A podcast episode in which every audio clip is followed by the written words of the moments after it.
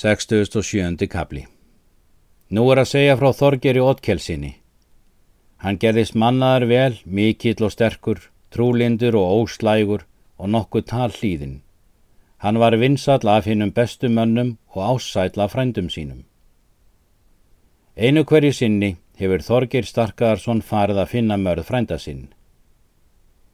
Ítla unni ég við, segir hann, málalokk þau sem orðið hafa með oss Gunnari en ég hefi kiftað þér liðveislu meðan við værum uppi báðir.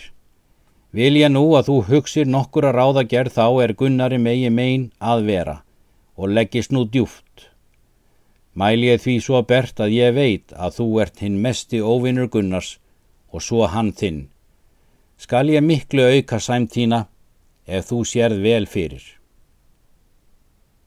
Sýnist að jafnan, segir mörður, að ég er fjögjarn, enda mun svo enn og er vant fyrir að sjá að þú sért eigi grið nýðingur eða tryggða rofsmaður, en þú komir þó þínu máli fram. En það er mér sagt að kolskeikur ætli mál fram að hafa og rifta fjörðungin í móeðarkvóli er föður þínu var goldin í sonar bætur. Hefur hann mál þetta tekið að móður sinni og er þetta ráð Gunnars að gjalda lausafje en láta eigi landið. Skal þess að býða er þetta gengur fram og kalla hann þá rjúa sætt á yður. Hann hefur og tekið sáland af Þorgeri Ótkelsinni og rofið svo sætt á honum. Skalt þú fara að finna Þorger Ótkelsson og koma honum í málið með þér og fara að Gunnari. En þó að í bresti nokkuð um þetta og fáið þér hann eigi veitan, þá skuli þér þó fara að honum oftar. Mun ég segja þér að njál hefur spáð Gunnari og sagt fyrir um æfi hans, ef hann vægi hins sama knýrum oftar en um sinn, að það myndi honum bráðast til bana. Bæri þess saman að hann rifi sætt þá er ger væri um það mál.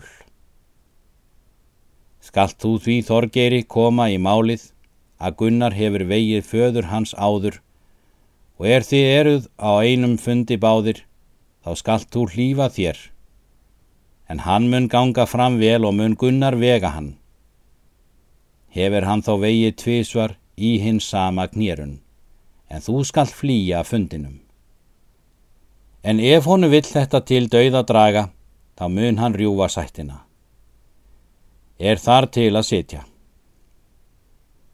Eftir þetta fyrir Þorgir heim og segir föður sínum af launungu. Réðu þeir það með sér að með þessa ráðagerð skildu þeir af hljóði fara.